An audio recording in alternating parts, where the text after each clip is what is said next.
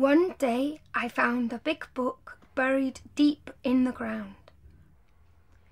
I opened it, but all the pages were blank. Then, to my surprise, it started writing itself. One day I found a big book buried deep in the ground.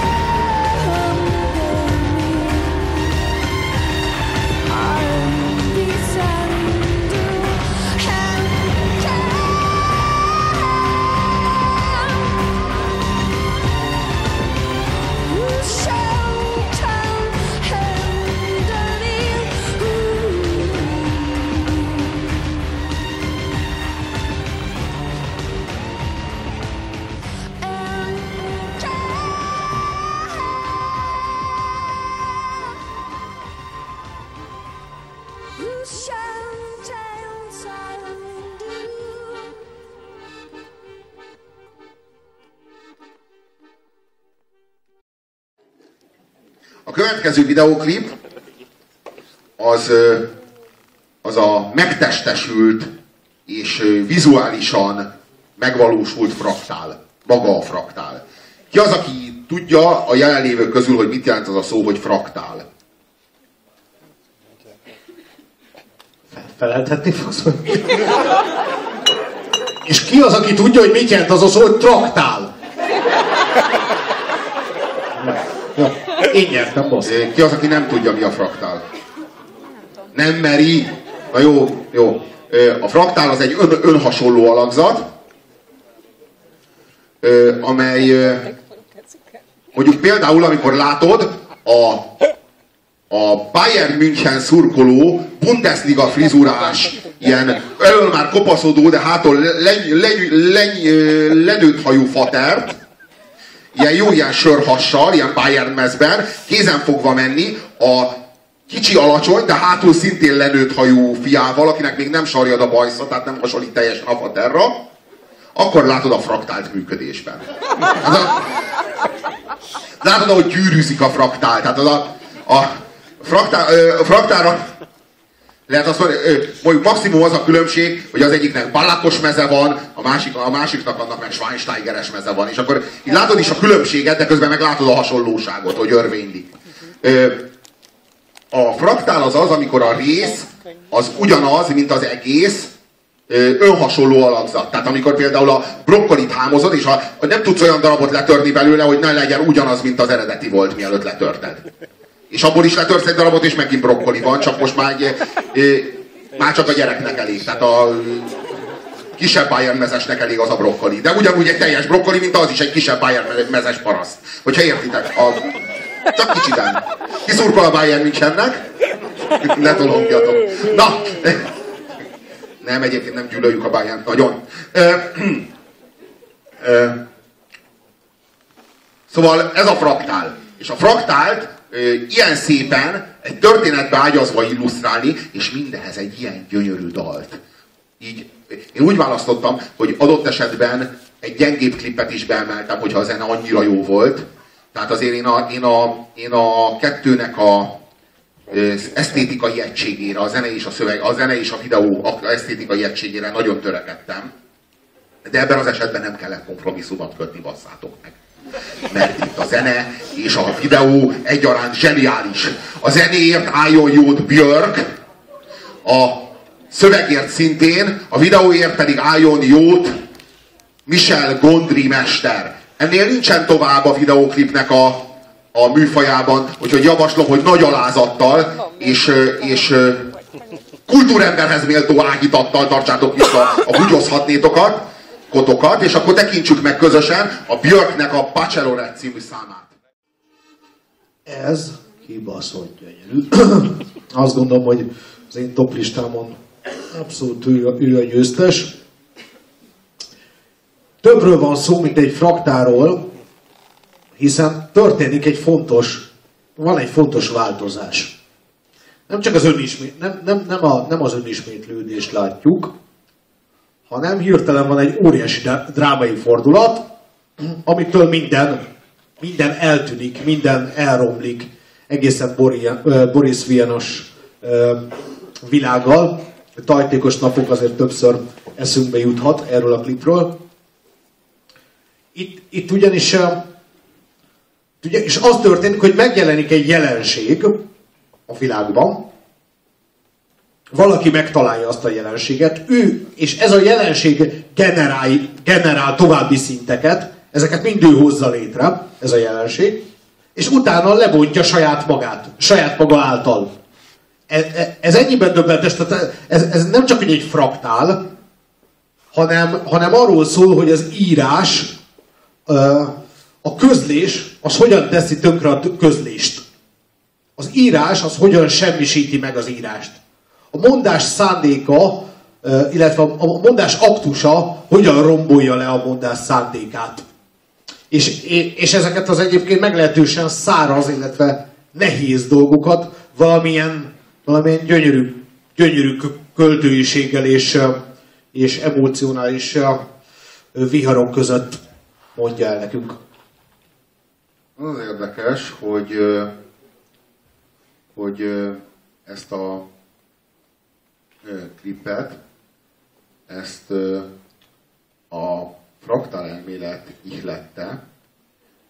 A fraktál elmélet az először egy matematikai fogalom volt, és bizonyos Mandelbrot nevű matematikus volt az, aki először foglalkozott a fraktálokkal, és aztán a fraktálra, mint fogalomra, vagy a fraktálra, mint világnézeti jelenségre, vagy a, mint a fraktálra, mint egyfajta tudati látásmódra, vagy egy spirituális megfejtésre, egy spirituális képzetre, létértelmezésre, vagy világlátásra nagyon hamar rászabadult egy komplet nemzedék, az úgynevezett hippi nemzedék, vagy a post-hippi nemzedék, amely, amely felismerte a valóságban, a valóságnak a fraktál természetét. A valóság fraktál természete az nem látható mindenhonnan nem látható mindenhogyan. Tehát ha ránézel a dolgokra, akkor nem feltétlenül látod a fraktált, főleg a mesterséges dolgokban nem feltétlenül látod a fraktált, amit emberek hoztak létre. Egy ilyen helyen, mint ahol most vagyunk, elég nehéz meglátni a fraktált, amíg, el, amíg vissza nem veszi a természet. Amíg a természet vissza nem nyeri. Hogyha beázik mondjuk egy ilyen terem, hogy itt semmi fraktált nem látsz. Ami nem azt jelenti, hogy itt a dolgok nem fraktál természetűek, hanem hogy úgy vannak kiképezve, hogy, rej, hogy elrejtsék az ő fraktál természetüket.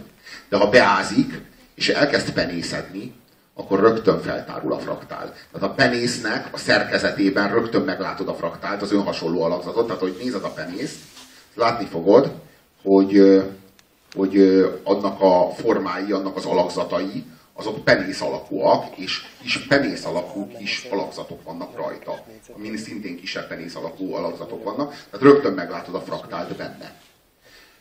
És amikor a természet visszaveszi a növény benövi azt a világot, ami valójában az övé, akkor egy nagyobb fraktál, egy természeti fraktál veszi vissza a kulturális fraktál mintázattól, a kultúrában meglévő fraktáltól azt, ami az övé, és azt, ami, ami, abba, ami eleve abból nőtt.